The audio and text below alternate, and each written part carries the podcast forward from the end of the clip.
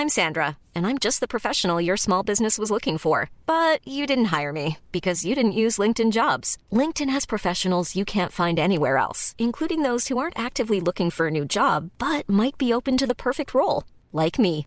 In a given month, over 70% of LinkedIn users don't visit other leading job sites. So if you're not looking on LinkedIn, you'll miss out on great candidates like Sandra. Start hiring professionals like a professional. Post your free job on linkedin.com/people today. Many of us have those stubborn pounds that seem impossible to lose, no matter how good we eat or how hard we work out. My solution is PlushCare. PlushCare is a leading telehealth provider with doctors who are there for you day and night to partner with you in your weight loss journey. They can prescribe FDA-approved weight loss medications like Wagovi and Zepbound for those who qualify. Plus, they accept most insurance plans. To get started, visit plushcare.com slash weight loss. That's plushcare.com slash weight loss. This is Paige, the co-host of Giggly Squad, and I want to tell you about a company that I've been loving, Olive and June. Olive and June gives you everything that you need for a salon quality manicure in one box. And if you break it down, it really comes out to $2 a manicure, which is absolutely insane. It's also so easy to get salon worthy nails at home with Olive and June. The difference between how your nails used to look when you did them yourself and now with the Manny system is a complete game changer. The best thing about Olive and June too is it's a quick dry, dries in about one minute, lasts for five days, and full coverage in up to one to two coats. Visit oliveandjune.com slash perfectmanny20 for 20% off your first system. That's oliveandjune.com slash perfectmanny20 for 20% off your first system. Velkommen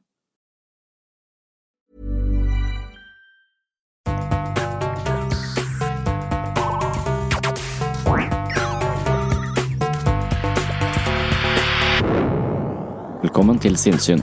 Jeg heter Sondre Risom Livre, er psykolog, og dette er Webpsykologens podkast. Hverdagspsykologi for fagfolk og folk flest.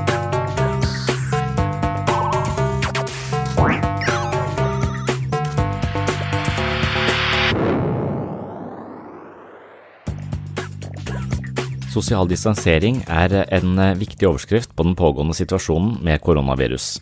Min bekymring har vært knytta til ensomhet, fordi jeg vet at isolasjon og fravær av andre mennesker er den faktoren som betyr aller mest med hensyn til menneskers psykiske helse.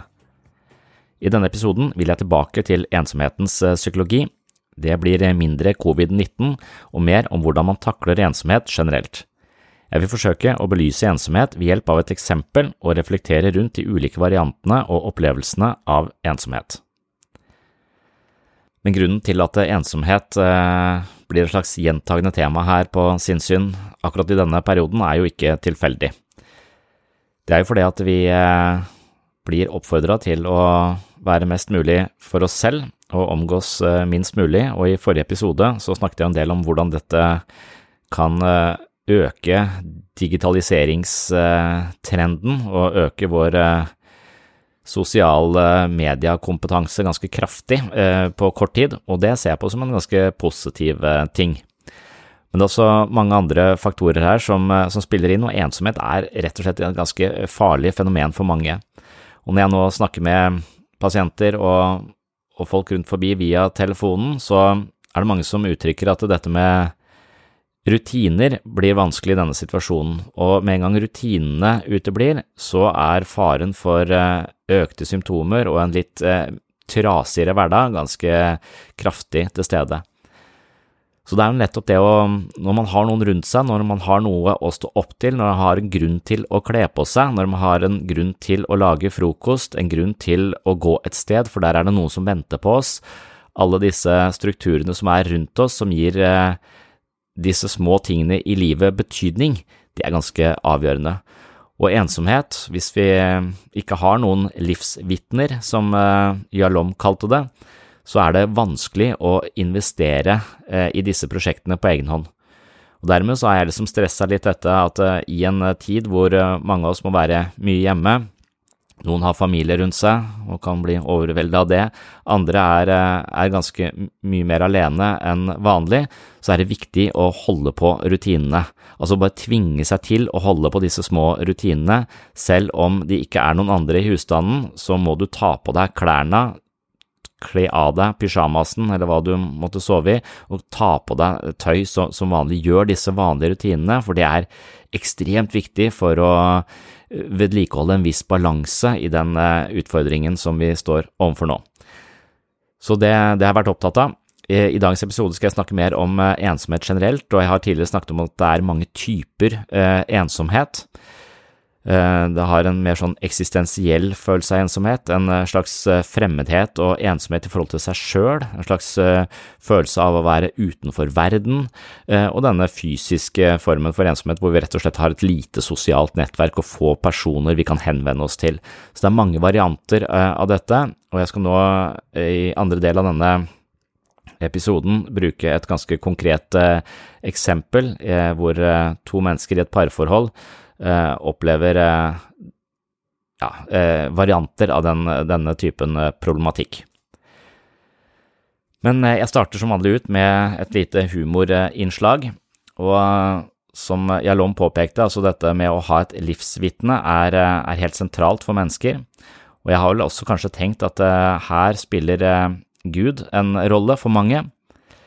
Hvis du ikke har så mange mennesker som ser deg og bekrefter deg, Kanskje du er gammel, kanskje mange av eh, de du hadde rundt deg har eh, gått bort, eller av andre årsaker, kanskje du sliter psykisk, kanskje du sliter med andre ting som gjør deg mindre mobil osv., så, videre, så gjør at du har eh, få, få livsvitner, så kan jeg tenker meg at Gud fungerer som et viktig livsvitne for, for, mange.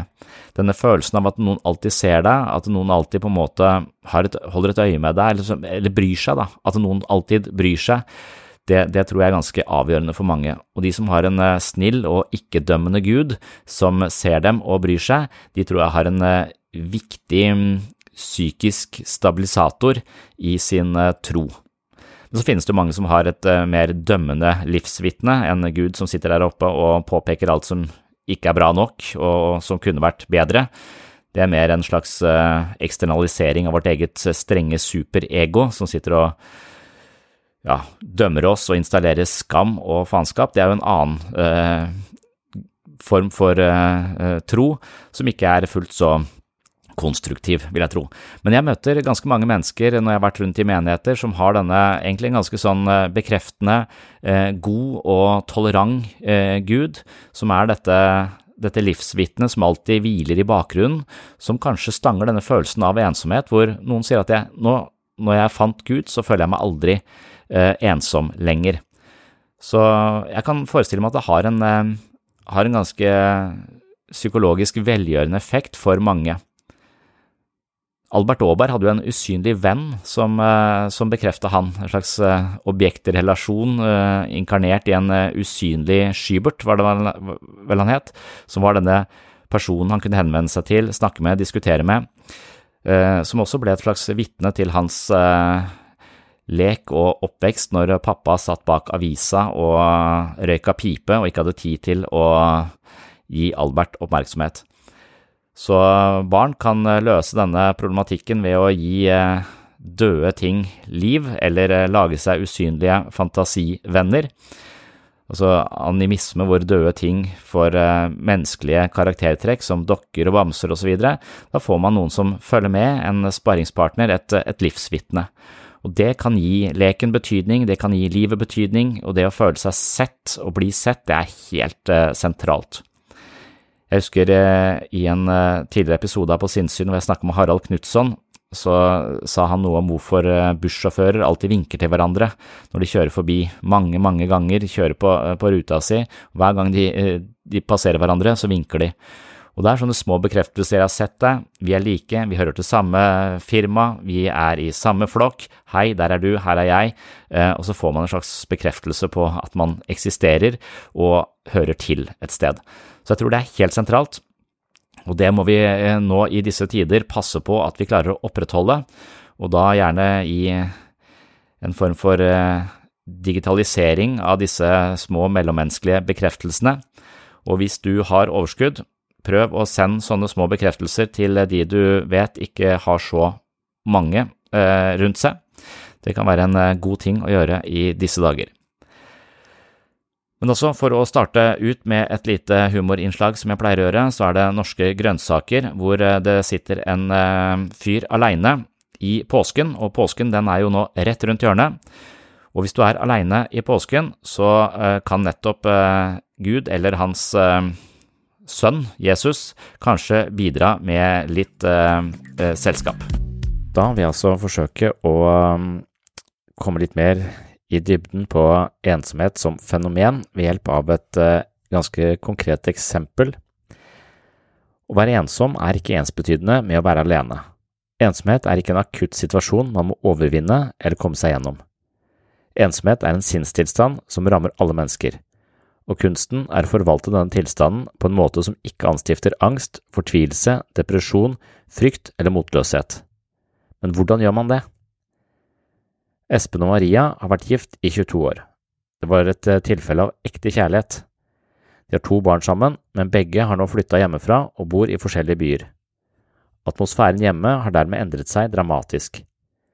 Før var huset fylt med lyder og latter, mens nå er det plutselig veldig stille. Maria beskriver det som eh, ensomt og mørkt. Espen var tilbake på jobb som vanlig. Maria har derimot følt seg nedfor og tung til sinns.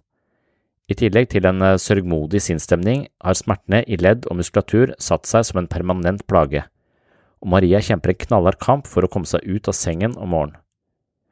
Det har gått en eh, måned siden hennes yngste sønn flyttet, men Maria har ikke vært i stand til å overvinne den dype følelsen av tristhet.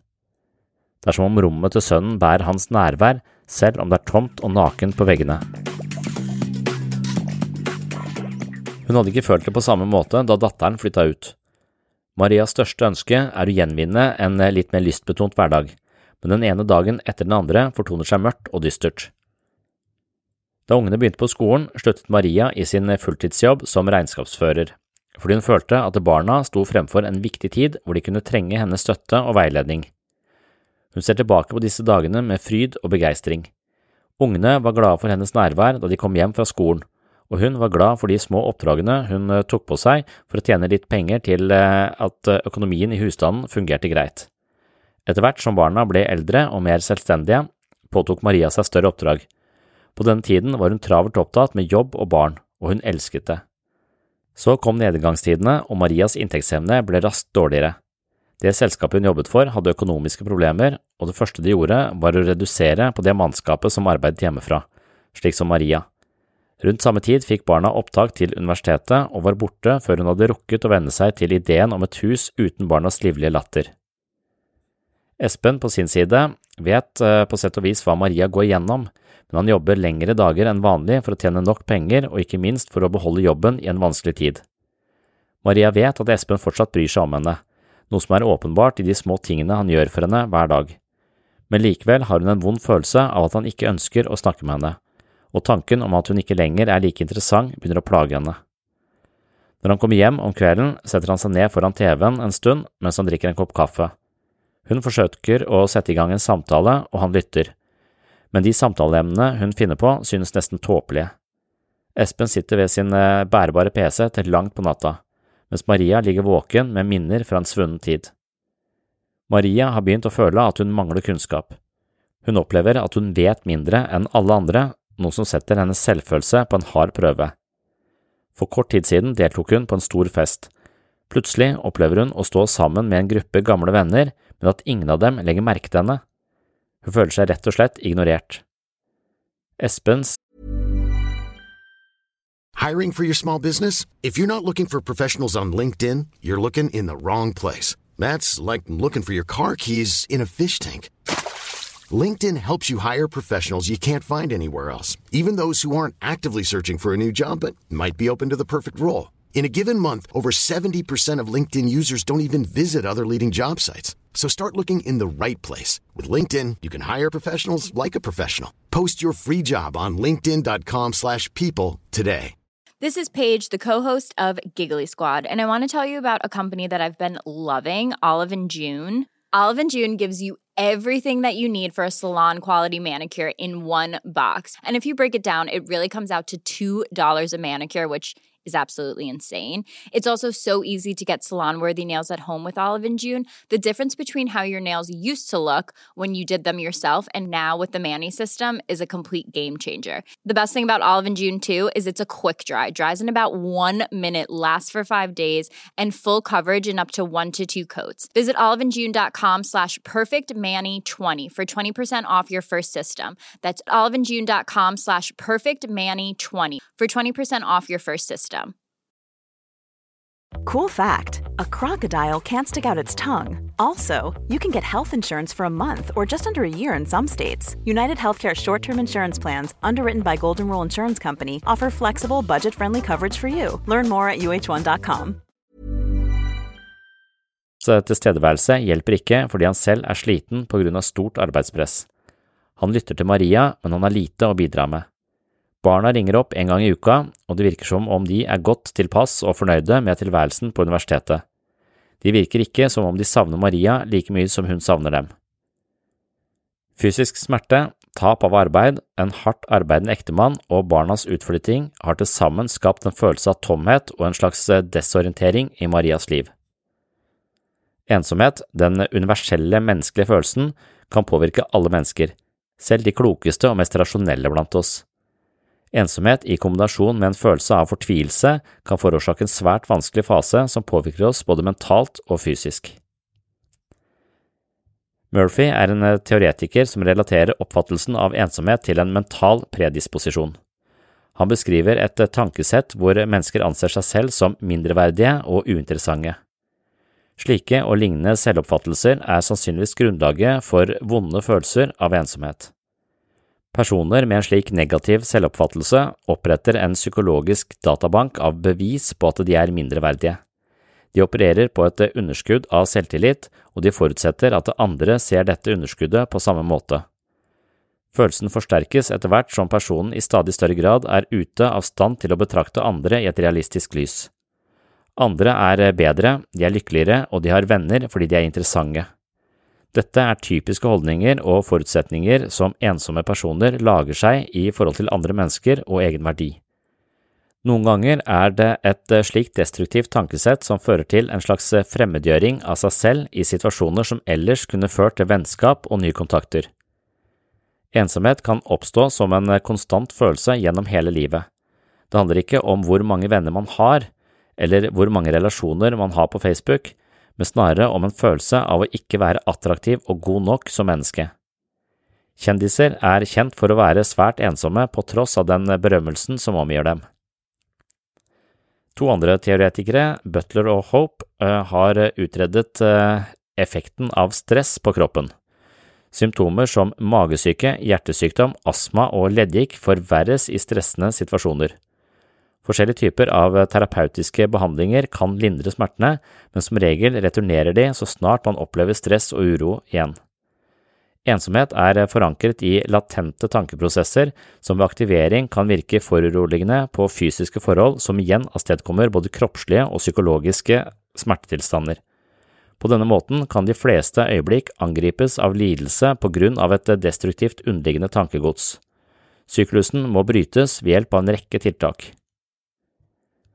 Og det er vel nettopp eh, en slik eh, syklus man kan eh, frykte i disse tider, altså at vi befinner oss i en situasjon hvor vi isolerer oss, vi har i tillegg en koronaepidemi å forholde oss til. Det er jo en slags krisetilstand som aktiverer både angst og uro, og når vi da i tillegg holder oss sosialt isolerte, så kan dette være da starten på en eh, type stressrespons som kan eh, rulle i gang en hel haug av andre sykdommer eller eh, smertetilstander. Og på den måten så kan det være at selv når viruset, faren på en måte, er over, at vi har kommet inn i en situasjon som er vanskelig å komme ut av, og som er en slags negativ spiral. Så faren nå er vel at vi, vi tar knekken på viruset, eller vi flatten the curve, som det heter. Vi, eh, vi sørger for at eh, vi kan håndtere de som blir syke av virus, men det koster oss nok ganske dyrt i den forstand at mange mennesker nå sitter ganske isolerte, og i verste fall så begynner det en eller annen sånn smerte-isolasjonsball å rulle som gjør at eh, vi på sikt får problemer med å komme tilbake til en mer aktiv og livskraftig livsstil. Det er i hvert fall eh, fra et psykologisk perspektiv det man kan frykte i en sånn situasjon vi befinner oss i nå. Men hvordan bør Maria håndtere disse følelsene, da, for å gå tilbake til dette eksempelet vårt? For det første må hun behandle smerte ved hjelp av de metodene hun vanligvis bruker. Et alternativ er å aktivere seg selv innenfor rammene av sin kapasitet. Et rotete hus vil kanskje forverre de vonde følelsene Maria sliter med.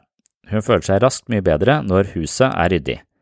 En svært viktig aktivitet er å sette opp en daglig rutine som innebærer litt tid til å kontakte minst én venn eller person utenfor familien. Dette fungerer best når hun har gjenvunnet et visst aktivitetsnivå, slik at hun er mentalt bedre rusta til å vurdere alternativer eller eh, andre kontaktpersoner dersom førstevalget er opptatt. Hun trenger ikke å kontakte en nær venn, men engasjere seg i en eller annen sammenheng hvor hun omgås mennesker, noe som på sett og vis er eh, godt for å utnytte den tiden som har sneket seg inn med redusert arbeidsmengde. Kronisk smerte er anerkjent for å være en såkalt stressord og stressmestringsteknikker er velkjente redskaper i forhold til å kontrollere stress og redusere smerte. Maria vil sannsynligvis ha nytte av å meditere på et ord eller en setning så lenge hun kan. Siden hun per i dag har eh, negative tanker som sannsynligvis vil overrumple henne i tide og utide, bør hun bruke et eh, mantra som hun sier høyt eller spiller av slik at hun eh, kan høre på det. Dette vil på sikt anstifte en gryende følelse av velvære. Maria bør også få profesjonell hjelp til å identifisere sine negative tankemønstre. Hun lever et liv på stilltiende og selvnedsettende forutsetninger om hvordan hun vil bli oppfatta av andre, noe som ofte krever effektive terapeutiske metoder som er mynta på å kartlegge og få en større innsikt i selvdestruktive tankemønstre, gjerne da en type kognitiv terapi. Det er ikke sikkert at ensomheten kommer til å forlate Maria for alltid, men med effektive mentale teknikker vil Maria opparbeide seg innsikt i sitt eh, problematiske tankemønster, og videre vil hun eh, kjenne til måter og teknikker som veileder tankene i mer konstruktive retninger. Ofte er vi ikke klar over at vi lider av et negativt tankemønster, men lever isteden livet på en eh, depressiv grunnstemning som vi forsøker å forstå ved å lete etter negative kvaliteter ved oss selv eller lete etter negative ting utenfor oss selv. Jeg er verdiløs og uinteressant, eller jeg har ingen venner og lider under en altfor dårlig økonomi. Det viktigste Maria gjør, er å akseptere at ensomhet ikke er en situasjon hun skal overvinne, men en sinnstilstand hun og veldig mange andre mennesker må lære seg å forvalte. Situasjonen til Maria er jo spesiell med at hun eh, både er uten jobb, hun eh, har en mann som jobber ekstra mye for å holde hjula i gang, hun eh, har en situasjon hvor barna akkurat har flytta ut, og alle disse stressfaktorene forsterker eh, smertetilstanden hennes, som igjen øker stresset. Så det er en ganske destruktiv og negativ spiral Maria er inni. inne i. Jeg tror at eh, situasjonen til Maria kan oversettes til den situasjonen vi er i nå. Økonomien kan bli vanskelig for mange i denne koronatiden. Vi blir sittende mye hjemme, og Alt sammen øker eh, stressnivået vårt, som igjen kan eh, avstedkomme andre typer eh, plager. Så de tipsene vi gir til Maria, det er altså å holde på rutiner, stå opp om morgenen, rydde rundt deg. Ofte så vil et ryddig hus gi en mer ro på innsiden. Selv om det er en forholdsvis nevrotisk mestringsstrategi, så hjelper det. Det å kle på seg, stelle seg, spise, trene, være aktiv og ikke minst kontakte minst én person utenfor familien hver eneste dag. Det er det rådet Maria får. Og det tror jeg er lurt eh, for oss også. Nå kan vi jo ikke gå og ringe på døra til folk, men vi kan bruke FaceTime eller WhatsApp eller eh, Duo eller eh, Google Hangouts eller hva det er du foretrekker av sosiale plattformer hvor du faktisk kan ringe opp en person som du både kan snakke med og se. Det tror jeg er eh, en lur strategi. Gode rutiner, eh, trene, spise, eh, et fast mønster på dagene, og i tillegg da sette av tid til å snakke med en eller annen person som er utenfor din nærmeste familie i løpet av dagen. Det er eh, tips for å komme seg gjennom denne litt eh, prekære og unormale og ganske stressende situasjonen vi befinner oss i nå med koronavirus. Det var det jeg ville si for denne gang.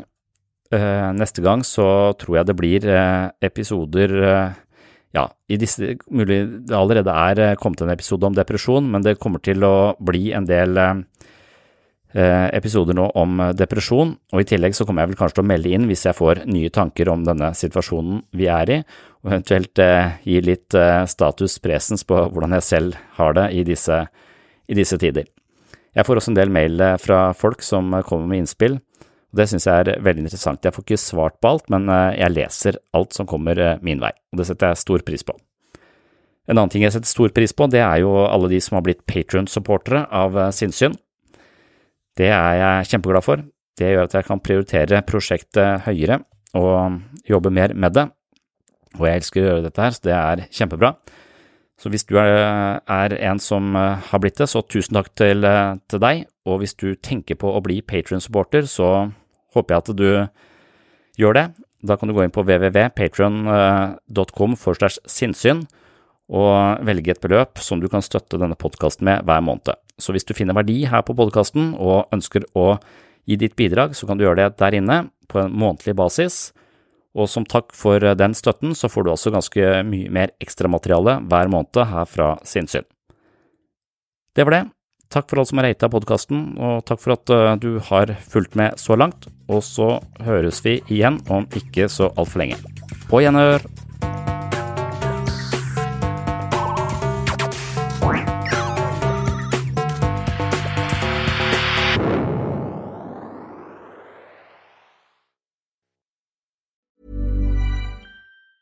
Normally, being a little extra can be a bit much, but when it comes to healthcare, it pays to be extra. And United Healthcare makes it easy with Health Protector Guard fixed indemnity insurance plans. Underwritten by Golden Rule Insurance Company, they supplement your primary plan, helping you manage out of pocket costs without the usual requirements and restrictions like deductibles and enrollment periods. So when it comes to covering your medical bills, you can feel good about being a little extra. Visit uh1.com to find the Health Protector Guard plan for you. Mom deserves the best, and there's no better place to shop for Mother's Day than Whole Foods Market. They're your destination for unbeatable savings, from premium gifts to show-stopping flowers and irresistible desserts. Start by saving 33% with Prime on all body care and candles. Then get a 15-stem bunch of tulips for just $9.99 each with Prime. Round out Mom's menu with festive rosé, irresistible berry chantilly cake, and more special treats. Come celebrate Mother's Day at Whole Foods Market. Imagine the softest sheets you've ever felt. Now imagine them getting even softer over time. That's what you'll feel with Bowl and Branch's organic cotton sheets. In a recent customer survey, 96% replied that Bowl and Branch sheets get softer with every wash. Start getting your best night's sleep in these sheets that get softer and softer for years to come. Try their sheets with a 30-night guarantee. Plus, get 15% off your first order at bowlandbranch.com. Code BUTTERY. Exclusions apply. See site for details.